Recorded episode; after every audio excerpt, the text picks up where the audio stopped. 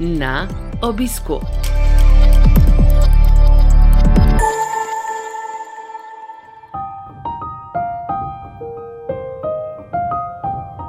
Dobrodošli v novi epizodi serije podkastov na obisku, ki nastaja v produkciji Slovenskega združenja bolnikov z limfomom in leukemijo.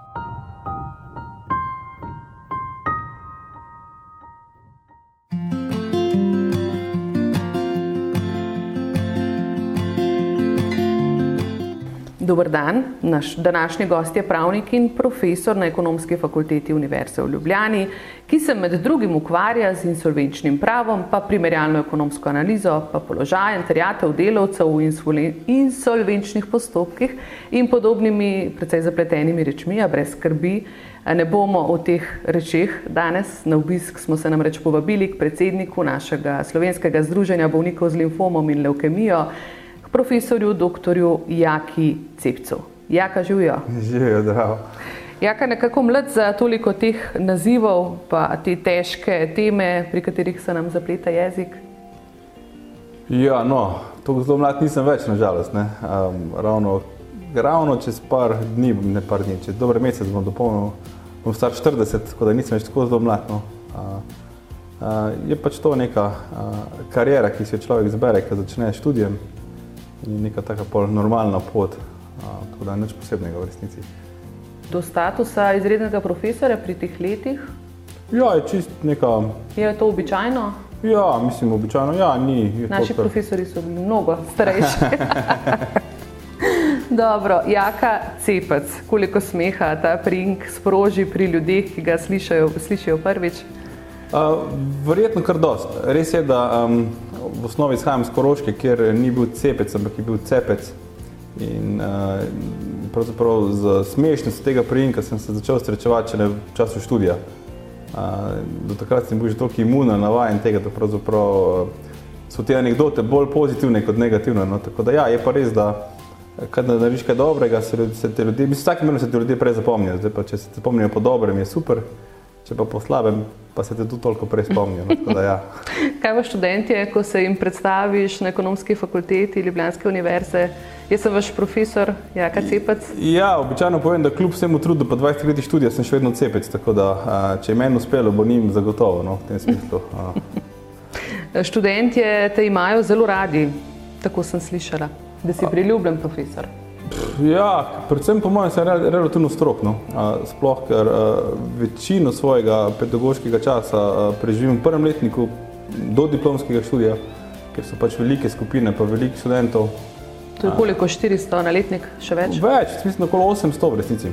800? Ja, pač, če uštejemo vse novo upisane, pa vse tiste, ki jim prejšnje leto ni uspelo, je to ta številka hitro 800. Ja. In seveda, v taki množici mora nek red biti ne, in, ta, in tega reda je težko odstopati in to vsaj študenti v prvem letniku običajno razumejo kot strogost, ne pa kot nek osnovni red, ki je v bistvu namenjen temu, da preživimo no, mhm. tisti letnik. Medtem ko pol v višjih letnikih ali pa na podiplomskem študiju je pa seveda ta odnos veliko bolj, veliko bolj sproščen. Se jaz tudi mislim, da v zadnjih sem, 20 letih ali pa 10 letih je nasplošno ta odnos med profesori in študenti rada tudi v Sloveniji veliko, veliko, veliko bolj sproščen. Uh, nič ne navadnega, ni, če gremo na kavo ali pa če se srečamo tako, kar se mi zdi, da v mojih časih je bilo čist nepredstavljivo. No. A, tako da se mi, da se je ta odnos bistveno spremenil in mislim, da se je spremenil na boljše. Ne. Ker če so študenti bolj sproščeni, tudi pomem lažje osvajajo osnov, lažje razumemo, bliže smo si in se mi zdi, da je to tista prava pot. No. Mhm. Strok pa priljubljen, verjetno se pohecaš dosti z njimi, da so predavanja zanimiva. Ja, um, sicer, zdaj, ker teme so kar ne, ja, ja, ja. pravo, materijatve in take reči. Drži, mislim, zdaj sploh je specifično. No, zdaj, odkar smo dve leti na Zumu, so stvari tako popolnoma drugačne. No, to je ena, po mojem, vse splošna slovenska travma, da, da, da živimo samo še na Zumu, uh, kjer se je vendarle nekoliko teže hecati. No. Um, en čas tudi nisi pravedal, je sploh primerno, da se še hecamo ali ne, ali moramo biti zelo resni, pa to doživljati kot neko krizo, s kjer ne vem. Uh, Tako da, ja, drugače pa seveda poskušamo narediti um, predavanje čim bolj sproščeno, hkrati pa seveda svoje potrebe oddelati. No. Mhm. Praviš, vsa slovenska travma uh, dveh let, uh, ki jih preživljamo v veliki meri na Zoomu in teh platformah, uh, kar težko je to, ne? vpliva na odnose med ljudmi, pa ne mislim samo na profesionalne, tudi zasebne. Kako ste prestali tole karanteno pri vas doma? Mislim, pri nas doma je bila ta situacija, da v tistem prvem lockdownu je bila žena še na uh, porodniški.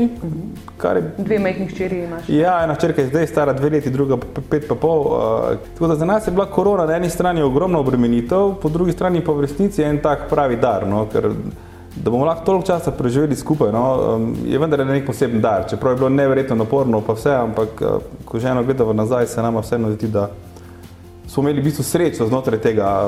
tega mislim, sej tudi načelno, no, nekdo verjetno, ki pri 80 zboli za leukemijo, poskuša prvo vsem videti srečo. No, Nama se je na koncu zdelo, da da smo imeli v tej koroni v bistvu srečo. Oba ima relativno varne službe, um, ni naj bilo strah, da bo ostala brez zaposlitve ali pa brez dohodka zaradi te res katastrofalne krize. In, um, v bistvu tisto največje breme, ki je bilo, je bilo pač v bistvu to breme časa, pa tega menedžiranja med, med službo in otroci. Nekaj pač. Mm -hmm. Uh, dvoletnika ne moreš pustiti tudi za pet minut sam. Ne, seveda, da ne. To so mali ljudje, ki rabijo ja. veliko pozornosti. Ker v resnici se mi zdi, da bistveno, bistveno večji stres so recimo doživljali naši študenti. No. Jaz opazujem, da tistem, tistem prvem spomladanskem lockdownu, takrat, kaj je bilo to 2019, ne, uh -huh. um, jim je bilo še nekako ok. Pa se mi zdi, smo vsi imeli še tisto neko energijo, se bo, zdržimo ta mesec, dva, tudi v bistvu znanje pa ocene so bile više kot prejšnja leta. Tisti, in smo, bili, smo si mislili, ok, se morda pa to, ta zoom, pa vse to, pa nadaljav, ni toliko slabo. Uh, Medtem ko ta celo 2020 je bilo pa za študente nočna mora. To je pa v bistvu prav videl, kako iz tedna v teden pravzaprav jim usiha moč, motivacija ni žurov, ni, ni družen, ne moreš koga dobiti za pomoč. Um, in je, po, po mojem, mora biti tudi nočna mora, kaj sem po 8 ur dan poslušati na Zoomu nekaj predavanja. To je, to je resnično nočna mora, ker je vse ja. potem dolgočasno. Ne, Mislim, jaz si sebe ne predstavljam, da bi moral vsak dan 6 ur poslušati nekoga tretjega po Zoomu, ki mi nekaj govori, mislim, zagotovo ga ne bi, no, če si iskreno. Mm. Se zdi, in tudi se je videlo, no, tudi znanje je bilo bistveno slabše, motivacija je bila slabša. Um, Pa še to, kaj so recimo na Zoomu, pač so te kamere recimo vklopljene in to in tam tudi vidiš to, to razliko v socialnem položaju med študenti, ki je prej toliko nisi opazil. Ne.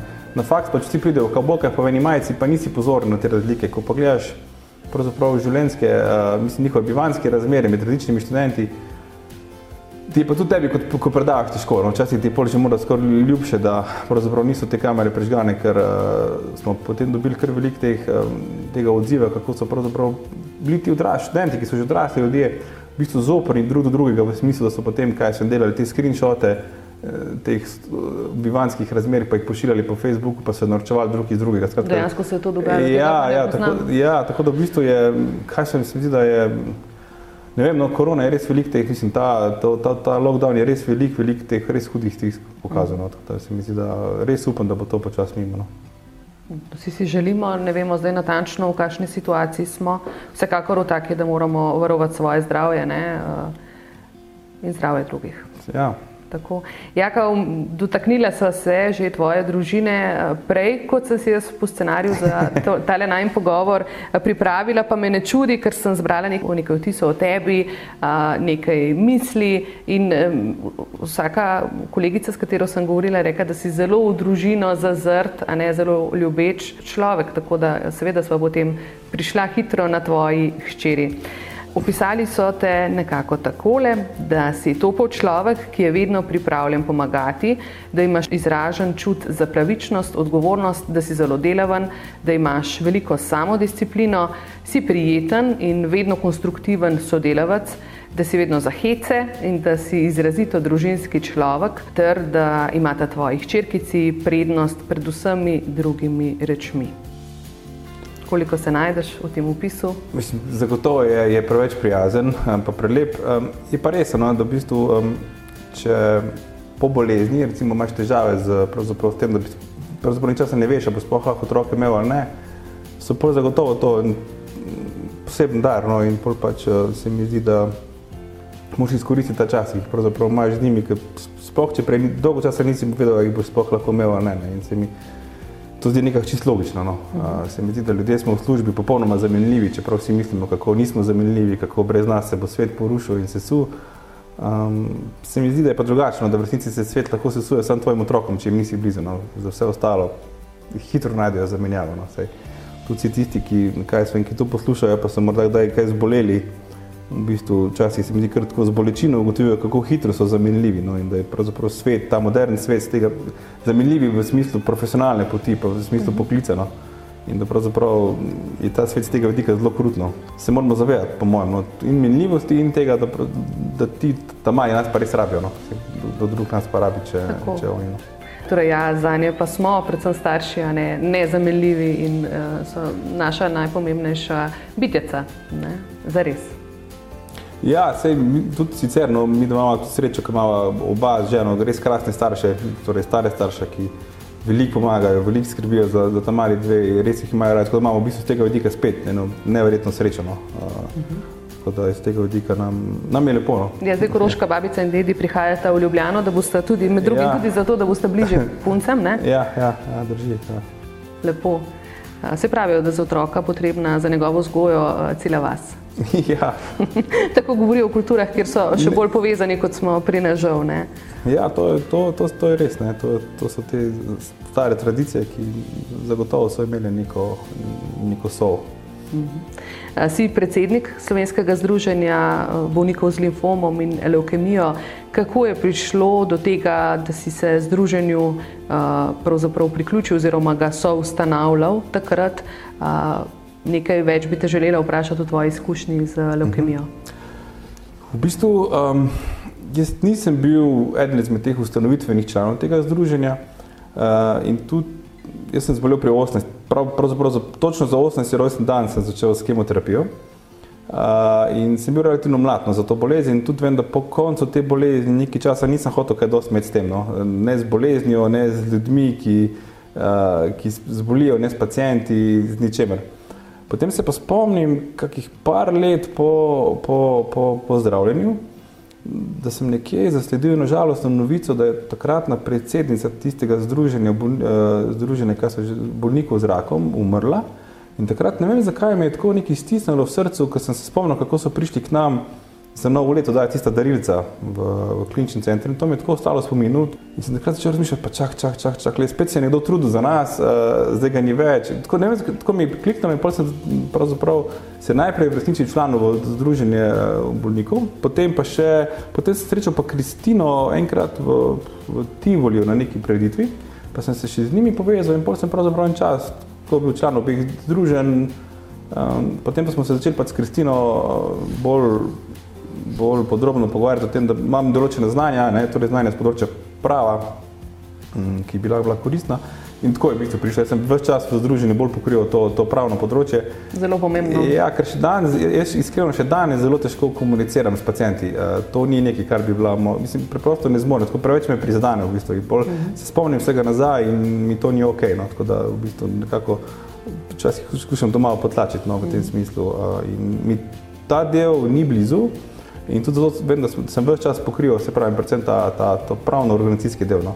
Potem, ko smo pa v združenju ugotovili, da bi bilo koristno, pametno in za vse dobro, da se profesionaliziramo, oziroma delno profesionaliziramo, se mi je pa kot pravniku ni zdelo ok, da imamo pač um, v bistvu, da je torej nekdo, ki je zaposlen, hkrati tudi predsednik združenja, pa da sam sebe nadzira in tako naprej, se mi zdi, da transparentnosti, financ, poslovanja, zelo prav, da to funkcijo razdelimo na dva dela. Uh mhm. -huh. In v bistvu po tako krasnih sodelavkah uh, je bil zelo enostavno predsednik. No, v bistvu je to do neke mere častna funkcija z, z nekim nadzorom, uh, drugače pa je to, mislim, se pravi, po tako krasnih uh, delavkah na združenju je to lepo. No. Mm -hmm pa zelo pomembno za združenje, praviš, eh, seveda se je sprofesionaliziralo, da lahko čim več storitev eh, za svoje člane, seveda na zelo visoki ravni zagotavlja s pomočjo strokovnjakov. Eh, tisto, kar sem te želela vprašati, kako spremljaš pravzaprav to delo združenja, da ja vsi ne, nadziraš, da je združenje pravno korektno, da vse funkcionira kot je treba, da je transparentno, finančno urejeno in tako naprej. Dejstvo je, ne, da pravzaprav sem v nekem življenjskem obdobju, kjer na eni strani je veliko teh profesionalnih izzivov, služba profesorja v resnici nasprotju s prepričanjem velike večine poslušalcev izjemno naporna služba, čeprav zgleda, da smo pač zelo na izi. Hkrati je družina, neke, neke druge, druge skrbi. In tako da v resnici ostane relativno malo časa no, za združenje, Sej, to je čisto jasno in tudi z tega vidika smo se v resnici takrat odločili, da se profesionaliziramo. Ne. Tako da tega čist day to day, pa dnevnega poslovanja zagotovo ne spremljam. Um, spremljam to pač vse, kar se dogaja. Vse, ravno to se ja, ja. kar smo včeraj ne, predstavili. Ja, to, ja, ja. No, tudi to, recimo, tudi v resnici te želje nisem imel nikoli, da bi bil toliko velik pred kamerami, pred, na teh novinarskih konferencah, tako naprej. To mi, to mi je veliko veselje, da pravzaprav to Kristina z veseljem dela in počne, se mi zdi, da ona je za to rojena. Meni pa ta del ni, ni, ni niti toliko pomemben, niti toliko mi ni blizu. No, ona pa to res dobro, no, dobro dela in ljudje imajo radi, s tem tudi v bistvu lažje dobimo nova sredstva, nove sponzorje, nove programe in je to super, tako super kombinacija. Jaz pa imam raje tiste čase, kak je bolj težke ali pa trde odločitve, pa Kristina, ki je bolj mehka duša, morda ji ne bi bilo vedno všeč. No. Aha, ja. Tako, to sem te vprašala zato, ker smo ravno včeraj predstavili to novo spletno posvetovalnico, te res dragocene nove možnosti, mhm. glede na izkušnje v združenju, ne ko ljudje zares rabijo pomoč, tako psihologa kot prehransko svetovanje, pa je v zdravstvenem sistemu relativno težko dostopno oziroma ne v kratkem času. Zelo, zelo ponosni smo na to posvetovalnico. Absolutno. Mislim, res, se, število projektov, ki jih je pravzaprav združeno v zadnjih petih letih, pa, pa s kakšno hitrostjo pravzaprav se povečuje število projektov, ki jih združenje uh, uspe v enem letu narediti, je čist neverjetno. No.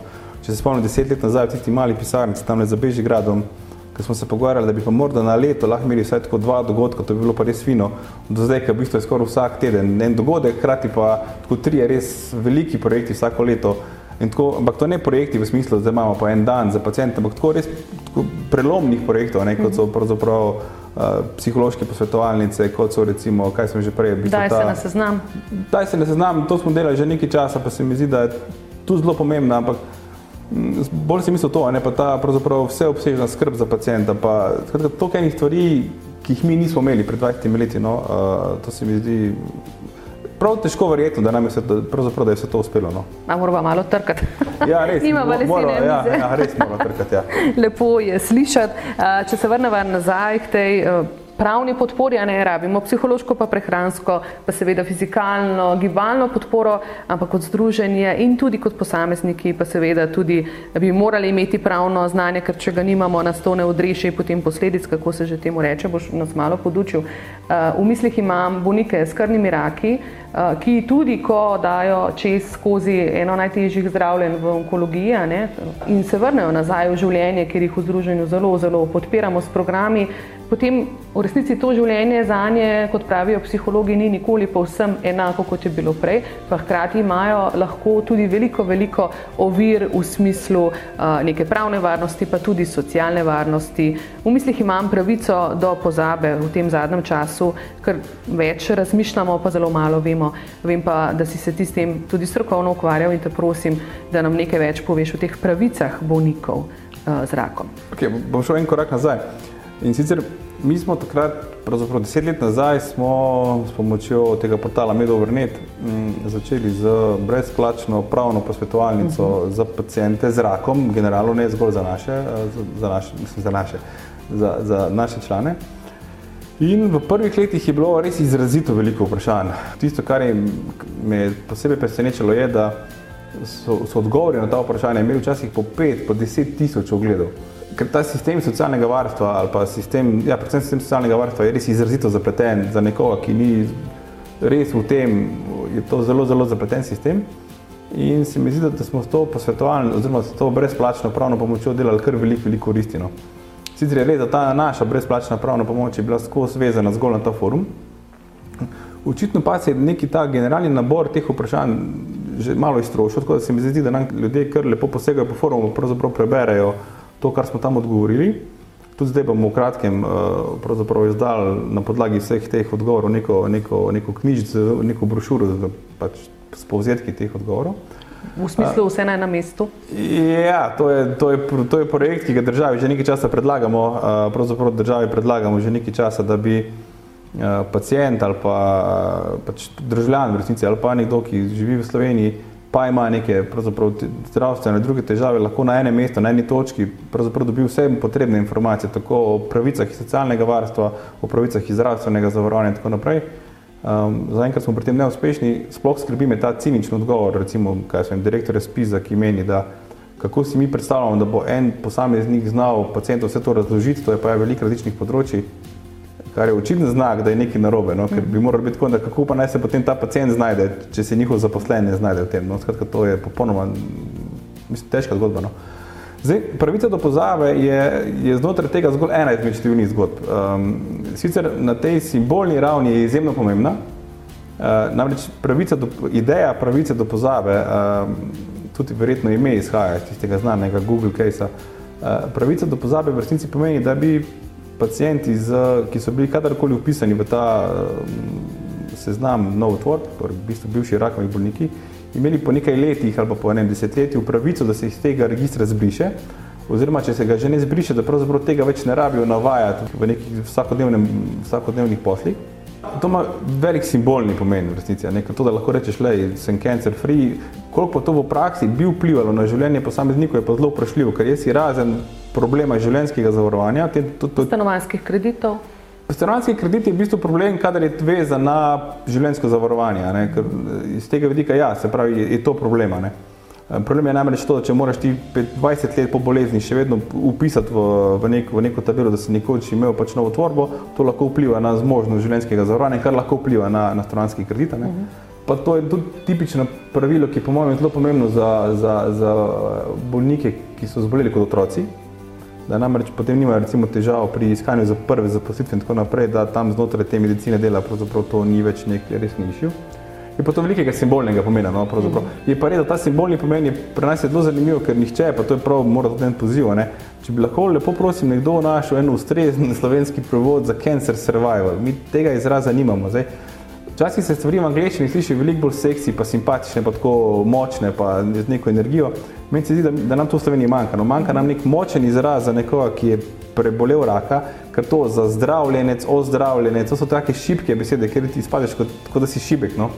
Ko cancer survival se pa sliši, kot da si nekaj resnega naredil. No. In s komerkoli se pogovarjam, nihče pravzaprav nekako nima tega. In ta izraz bi bil na simbolni ravni zelo pomemben, no, nekaj se počutiš drugače. Ja tudi sama nimam ideje, uporabljam izraz nekdani bolniki z rakom, recimo, kar je pa itak predolgo. Predolgo pa spet, ja. ja, ja, ja. Mislim, se vem, pač mi nekdani bolniki z rakom si želimo tako en, mislim, želimo. Se, nam je kul, cool, da imamo en tak beč, da nam je nekaj pač uspelo, ne, kar ni nujno najlažje.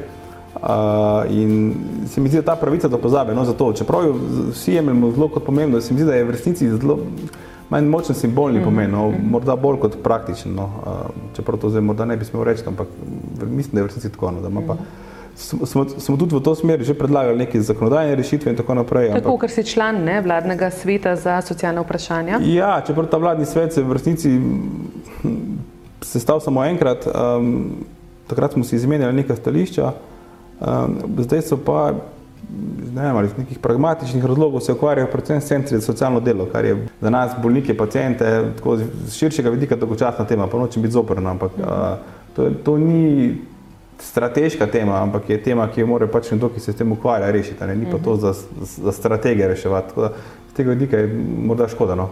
ampak ok, saj ne more vse vedno biti idealno. No? Tako. Kaj pa socialne pravice vemo in veliko smo že imeli tudi v kruglih misli, pa nekaj njih um, o socialnem položaju nekdanjih bolnikov z rakom ali še recimo bolnikov, ki so v procesu zdravljenja, da so lahko kar velike težave s temi dohodki, ne, z pridobivanjem pravic. Uh, Tako tudi invalidskimi pokojninami, predvsem pa s temi dohodki, ki so zelo, zelo nizki. Ta tema je v bistvu strašansko težka. Ne. Ma ogromno različnih vidikov, eh, ima ta najbolj boleč vidik konkretne osebe, konkretnega bolnika, konkretnega pacijenta, čigar zdravstveno stanje je slabo, pa še ekonomsko stanje se, se, se bistveno poslabša. Eh, po drugi strani imamo ta makroekonomski vidik, ki ga sicer ljudje nočemo slišati, ker pač me kot posameznika naj ne bi zanimalo. Ne v resnici pa ta narod nekot mora priti, ali to v obliki zavarovanja, uh mhm. -huh. ali to v obliki porabe državnega proračuna, potem se moramo zmeniti kot družba. Če damo temu več, moramo nekomu vzeti, tako pa če, ne? in pač kot družba moramo nek koncens v tem smislu najti. Z vidika posameznika so pa ti socialni transferi. Zdaj, živimo v državi, kjer ti socialni transferi vse obstajajo. So številne države, kjer sploh ne obstajajo. To je treba podariti, je pa res, ne, da ti transferi so lahko res zelo, zelo, zelo nizki. Sploh, če te pravzaprav bolezen ali pa neka poškodba zadane v neugodnem trenutku pa se spet sliši, da noben trenutek ni ugoden. Uh -huh. Ampak tako čisto v življenjskem ne, razvoju življenja so neki, neki trenutki, kjer je morda lažje ekonomsko to prenesti po drugih trenutkih. Se pravi, do neke mere mlajši kot si teže je v resnici, ne, ker so ta nadomestila vezana na delovno dobo. Ja, ne, in seveda je to problem. Plus ta nadomestila, vsaj v okviru invalidske upokojitve, se ne, se ne um, updateajo, tako da v bistvu pač ostane skozi na istem, kar je katastrofa. In ni lahko, ni težko vedeti. Seveda, po drugi strani, morda je zaposlenim spet nekoliko lažje, ker so vsaj zaposleni, pa jih mora delo čaka. Ne?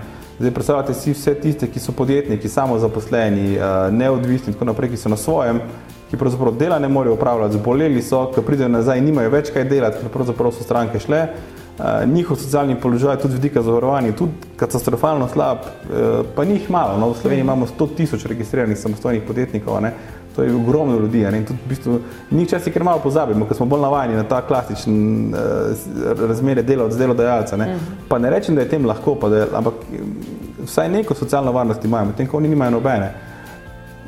Zdaj, znotraj tega socialnega področja imate ena kompleksna pravna vprašanja, Imate pa čist klasično politično vprašanje, ne? koliko komu pa kdaj, ampak to v bistvu ni več v resnici vprašanje stroke, to je v resnici vprašanje politike, uh -huh. pa mhm. nekega koncenza v družbi, kaj si želimo. Zdaj, seveda, vsi si želimo živeti, živeti čim boljše, vsi želimo podarjati to socialno državo, sem ta socialna država od nekod mora ta denar vzeti, da, potem pa si spet si pa ne želimo na drugi strani imeti pretirane obdavčitve. Skratka, to ni, ni... Smo malo zgubljeni v vesolju s temi ja, svojimi ja, željami, ja, za katero ja. pa lahko rečemo, da je vsaka legitimna. Ne? Absolutno, vse sem rekel, ne, z vidika individualne zgodbe mm. je pa to čist jasno, jasen problem, ki, ki je v bistvu nerešljiv. Ne? Mm.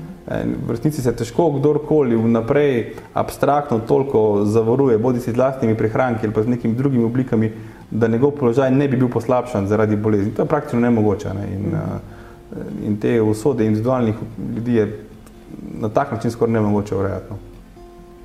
Dobro, v resnici ni dobro, ampak pojdiva ja. naprej. A, torej, to je bil tak ekonomsko-pravni pogled na te seveda zelo realne težave, s katerimi se srečujejo nekateri naši člani ali pa vsi, če vemo, da uh, takšna bolezen kot je rak zelo, zelo zaznamuje človeka v smislu gmotne situacije za v prihodne. Ne. Ampak ta pravni vidik me zanima, eh, kot sem prej upis prebrala, ko so mi kolegice povedale, eh, izrazito mm, izražen čut za, za pravičnost in potem so mi tudi povedale, da sta te vzgajala sodnik in toživka. Sem si prav zapomnila. Ja. Kako bi potem bilo lahko drugače? ja, ja, ja, res. Ja. Uh, oče je bil večji del svoje poklicne kariere, je bil sodnik na delovnem sodišču, pa kasneje sodnik na socialnem, na višjem socialnem sodišču v Ljubljani. Mama je bila pa en del svoje kariere sodnica za prekrške, tako, potem pa tužilka. Ja.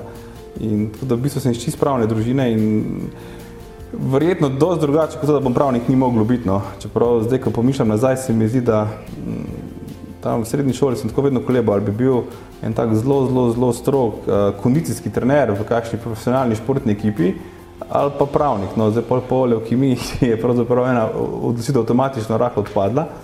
Uh, tako, da, ja, tako da je bila pol ta.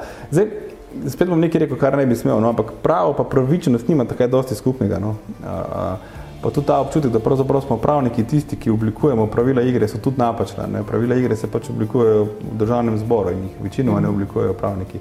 Dobro, še vseeno me zanima, kako je rast v družini mame, ki je toživka in očeta, ki je sodnik. Luškano se sliši, ne? čeprav mama in oče sta mama in oče v prvi vrsti, je to najpomembnejša naloga v življenju, ne? naj, najpomembnejši poklic.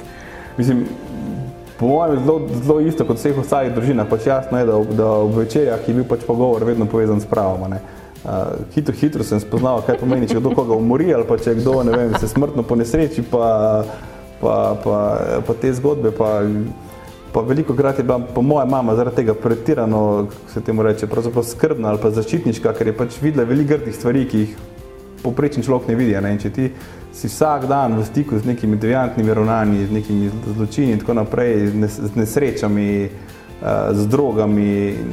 Se mi zdi, da imaš skozi občutek, da je tega še bistveno več, kot ga v resnici je.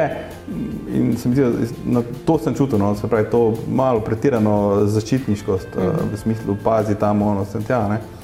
Uh, drugač pa ja, drugač pa mislim, se pravi, to, to pravo, ne si se mi je spremljalo, predvsem po mojem, no, ob teh pač pogovorih, ki smo imeli večerje. Soproga tvoja je tudi iz teh vod? ja, moja žena je tudi uh, se odločila za študij prava. Uh, tako da ja, spet tudi najni punci boste imeli dva, dva pravnika doma, no, kar je lahko bi tudi bilo kaj lepšega. No, da, da pravo v resnici ni, pravo v resnici ni lepo klicno, um, zato ker če se ukvarjaš z vidika reševanja sporov, potem vedno eden ni zadovoljen ne, v tem sporu in kot pravnik si vedno potem pač kriv za to, da nekdo ni, ni zadovoljen s to rešitvijo. Če se pa ukvarjaš s pravom z vidika, z vidika gospodarstva ali pa z vidika tega, je pa spet pravo nehvaležno, ker pravo ni binarno. Ne? Strojništvo je binarno, računalništvo je binarno, 0-1, so rešitve jasne. Tudi ekonomija je relativno binarna, 0-1.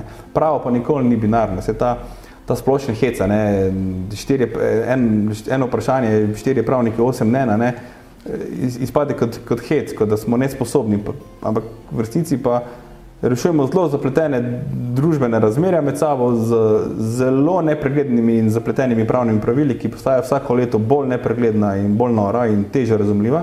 In seveda smo potem vedno tisti, ki pojemo vso to slabo voljo. Uh -huh. Če gre pa vse ok, pa nikoli ni bil pravnik za to zaslužen. Nekaj gre vse ok, smo mi frajeri, nekaj gre pa nekaj narobe, a lega pravnika nas ni upozoril. Tako da v bistvu pravniški poklic ni nekaj, kar bi strašno priporočal ljudem. No. Spomnim se, da kak lepši poklic najte. Dobro, tale situacija, eh, ki smo jo priča že zdaj po drugo leto s tem COVID-om, ta odnos do znanosti, sam delaš v znanosti, si v službi na univerzi oziroma na fakulteti. Kako razumeš to, čemu smo priča? Mislim, v resnici ni nič novega. No. Zdaj, v znanosti nam je, pa vsaj v družboslovni znanosti, no, to mora da medicinci niso do zdaj opazili, ampak v družboslovni znanosti je že vsaj 30 let čist jasno, da te bivše vzhodnoevropske države imajo temeljni, temeljno težavo v zaupanju.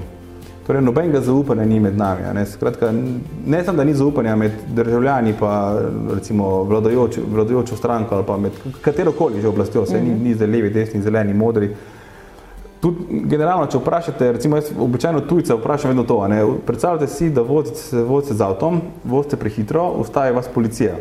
Policist vam pove, da ste vozili 15 km/h prehitro in to je to. Ne, ne pokaže vam nobenega radarja, ni česa, nobenega merilnega mesta in kako mu odgovorite. Ne. In večino vzhodnoevropske države vsi rečejo, ja, kje imate pa radare, a je atestirano, je to ali ono. Ne. Medtem ko uh, številni kolegi iz drugih koncev sveta pa rečejo, ja, ok, pač plačam kazen, ne se čutno je policist kot tudi, da vozim prehitro. Mm. Hočem povedati, do policistov nimamo nobenega zaupanja, tradicionalno ne, ne. Potem dolgo časa do prava, pa do sodišč nimamo nobenega zaupanja. Ne. Uh, potem katerokoli svetovno lesvico gledate, ki meri kakršnokoli zaupanje, se izkaže, da pravzaprav Slovenci nikomor in ničemor ne zaupamo, morda sebi, pa še sebi ne vedno. In zdaj ta kombinacija, eh, seveda, ne, z to čisto novo situacijo s COVID-19, kjer mm, je pravzaprav v smislu komunikacije bila od začetka jasna, ne vemo, zakaj se gre, nekaj novega je, čisto novo je, nimamo odgovora. Ne. Običajno, ko gre zdravniku, si bil navajen, da so strašno samozavestni, ja, to imaš, to je to, to bomo zrihtali. Zdaj pri COVID-u so pa se najprej vsi pustili biti tako, ops, ne vemo, zakaj se gre. Ne. Ta, zelo je bila odkrita, v bistvu se mi je zdelo, ta odkrita eh, komunikacija, v smislu ne vemo, zakaj se gre.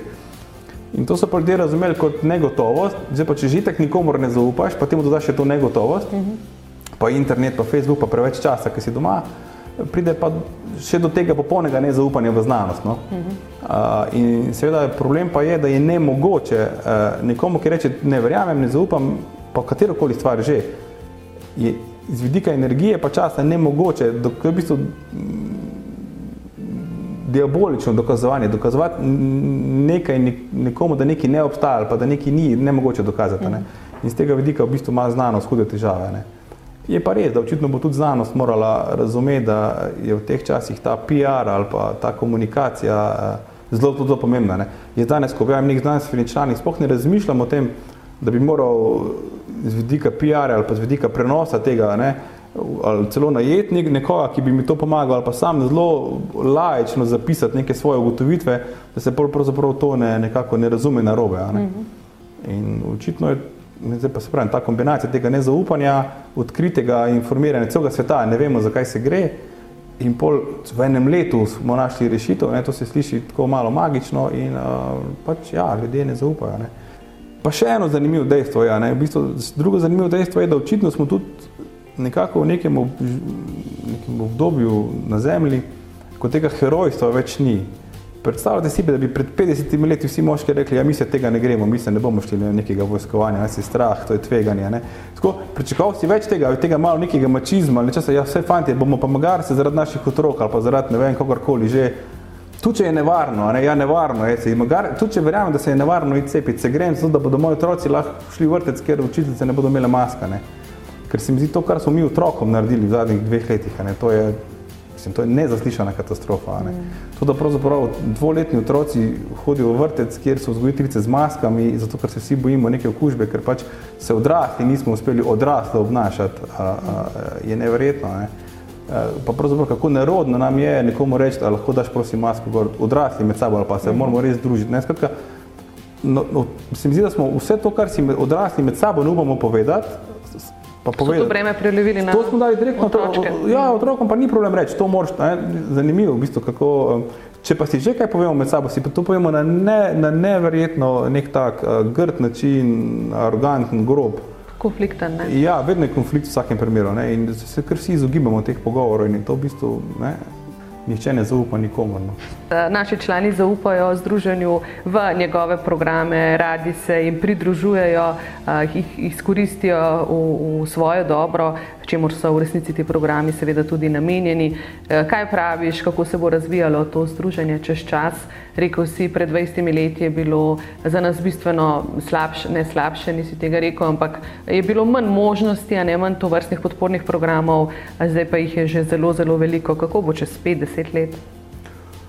Ja, mislim, že pred petimi leti se ne bi predstavljal uh, tako hitrega tempa tega razvoja, ne? tako da si pravzaprav tega sploh, mislim, si težko predstavljamo. Po eni strani sem res neverjetno ponosen na vse to, kar, kar, je združi, kar je združenju uspelo, oziroma mm, je treba kar izpostaviti, pravzaprav kar je vsem tistim, ki so ne, tu, tu zaposleni v resnici uspelo, uh, je to res neverjetno. Ne? Po drugi strani sem ponosen pa vesel.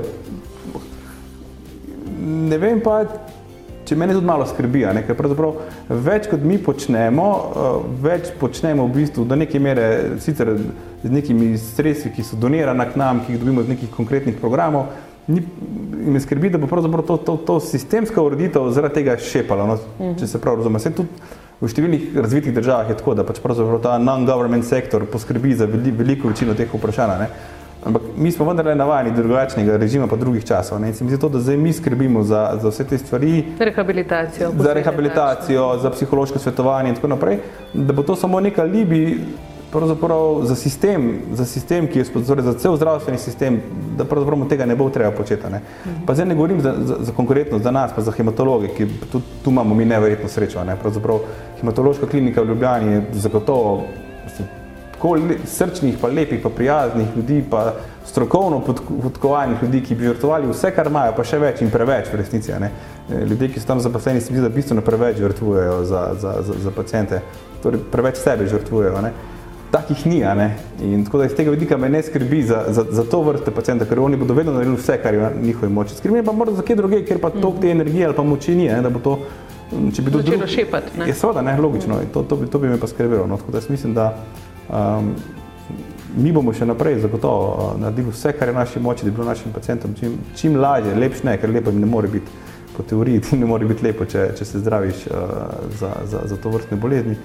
Ampak zagotovo bomo pa naredili vse, da jim pač pri tem pomagamo, koliko jim lahko. Ne, in, um, v bistvu moram reči vam vsem, ki ste tu, hvala, ne, uh, da se pravzaprav tako trudite. Ne. Jaka, tebi pa hvala za ta pogovor, za vse pravne nasvete, da vse štima. Takega pravnika seveda rabimo tudi v tem združenju. Hvala lepa in vse dobro. Hm, hvala, čau.